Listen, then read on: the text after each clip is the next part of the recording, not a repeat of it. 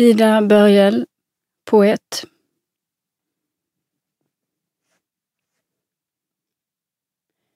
Den ligger där på marken, hunden Argos, när husse Odysseus efter 19 år återvänder inkognito till Ithaka. Vanvårdad låg den nu och glömd när dess herre var borta. Utsträckt i en hög av spillning från oxar och mulor. Sådan låg Argos där och lössen kryllade på den. Nu då på nära håll den kände igen kung Odysseus viftade den med svansen glatt och lät öronen sjunka. Men var för svag att resa sig upp och gå fram till sin herre. Ungefär 2500 år senare skriver Gertrude Stein från sin exil i Paris. Jag är jag för att min lilla hund känner igen mig. Hon fortsätter. Personen och hunden finns där. Och hunden finns där. Och personen finns där. Och var och var finns deras identitet? Finns identiteten där någonstans?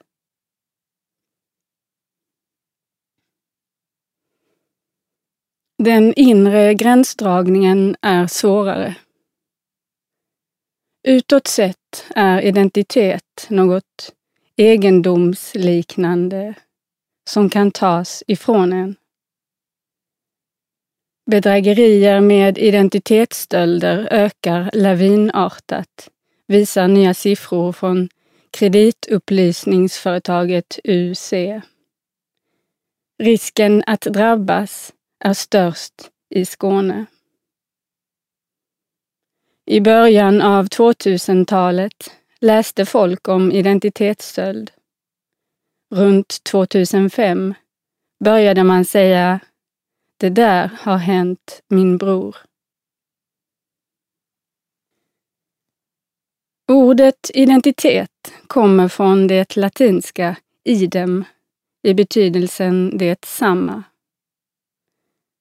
Här finns förväntningar på kontinuitet i tid och rum. En människa ska bete sig i överensstämmande.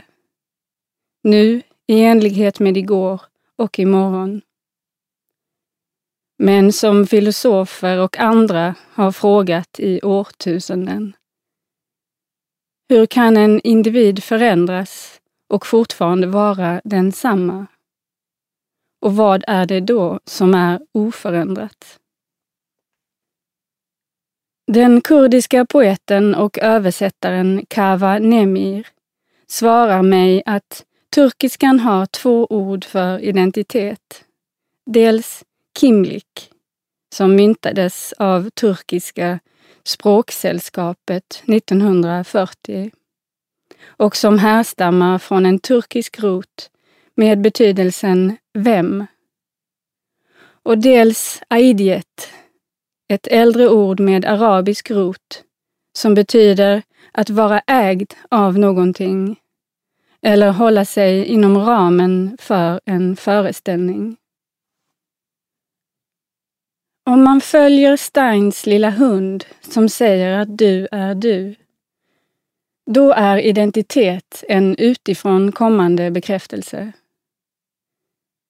Men om det inte är på frågan Vem är jag? man vill ha svar, då står hunden i vägen.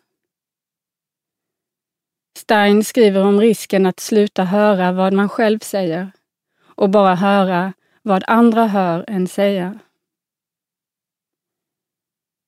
Termen identitetskris myntades 1954. Den har beskrivits som en störning i upplevelsen av jagets kontinuitet. Man tycks inte längre vara densamma.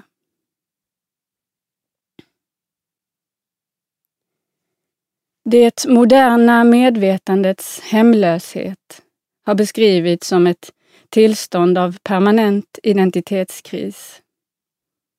och som krishantering erbjuder marknaden personlighetstester vilka översätts till kalkyler som når oss i form av skräddarsydda erbjudanden om varor vi ännu inte visste att vi behövde.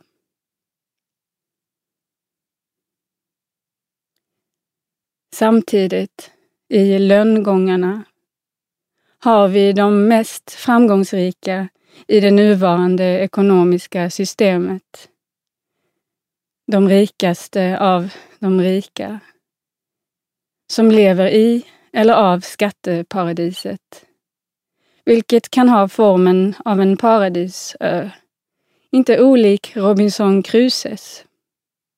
Gertrude Stein skriver ju om Robinson Crusoe att det är ett mästerverk.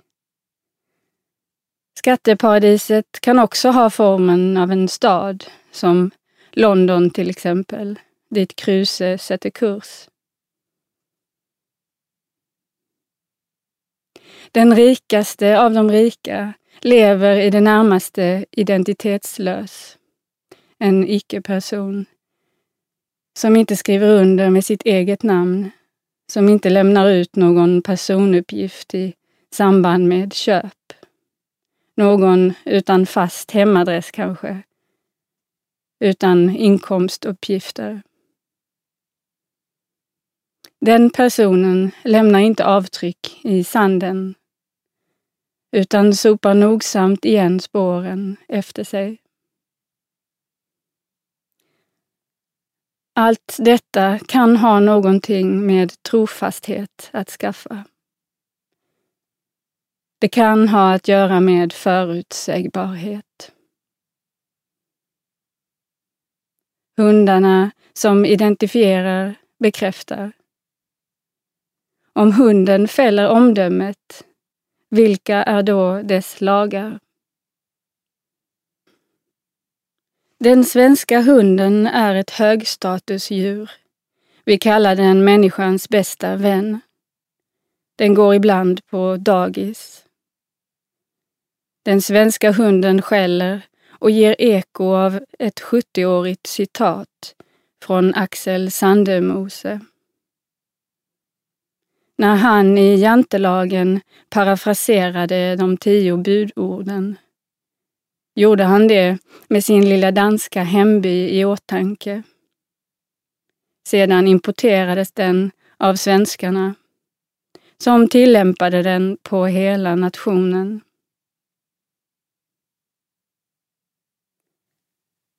Hundarna skäller.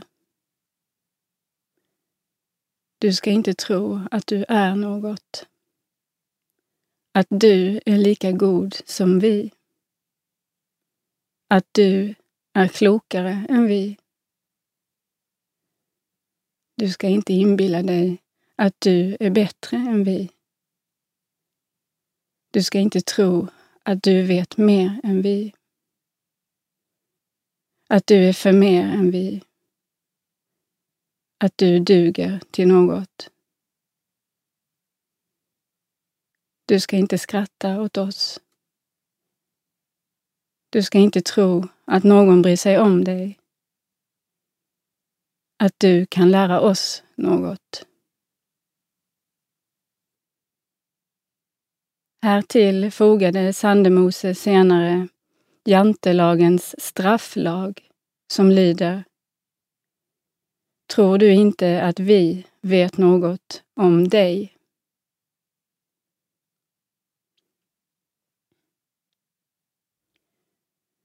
Inför detta sociala kvävningsförsök, inför personlighetstesterna, inför köpprofilen, inför den statistiskt beräknade levnadsbanan, säger Gertrude Stein någonting annat. Jag är inte längre jag när jag ser. Denna mening ligger i botten på all kreativ aktivitet. Det är precis motsatsen till jag är jag för att min lilla hund känner igen mig.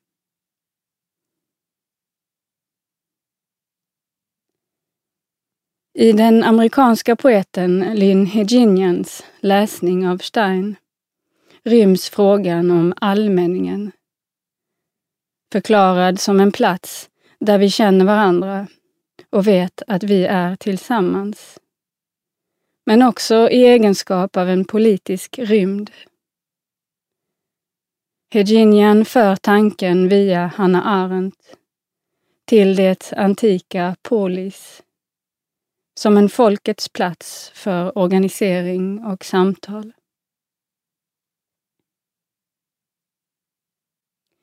Men för Stein är allmänningen problematisk. Den offentliga sfären premierar identitet och hämmar därmed entitet. Det är för Stein istället i husets domän som friheten blir möjlig. Och då måste vi genast tänka oss husmoden som den historiska varelse Sara Danius skriver om. Husmor som står med köttkniv och brutna servetter som spränger myten.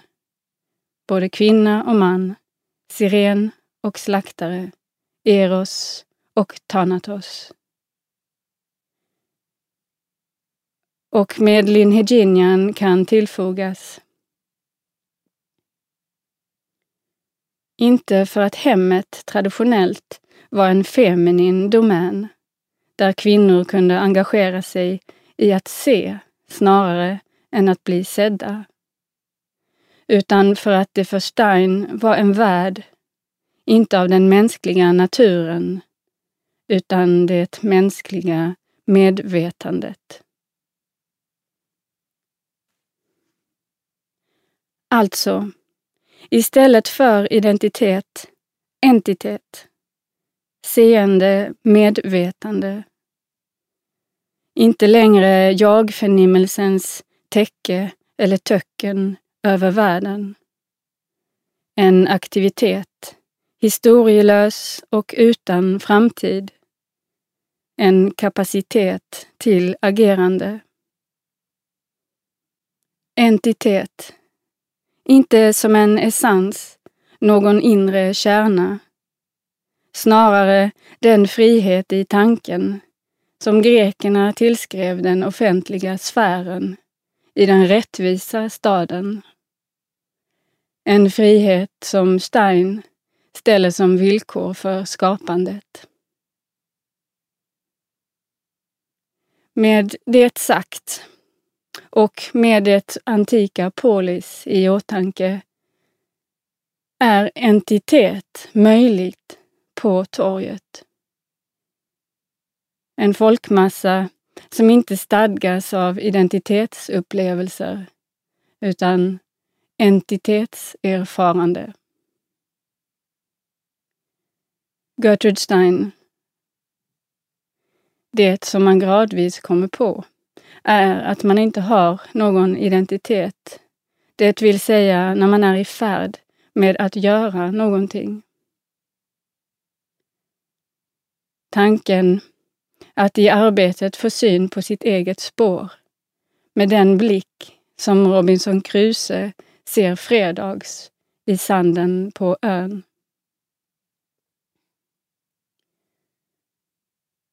Men efter otaliga fladdrande tankar, som någon helt konfunderad och utom mig själv, kom jag hem till mitt fort.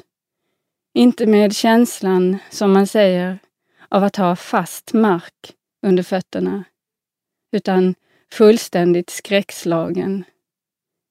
Jag vände mig om vid vartannat eller vart tredje steg jag misstog mig på varje buske och träd.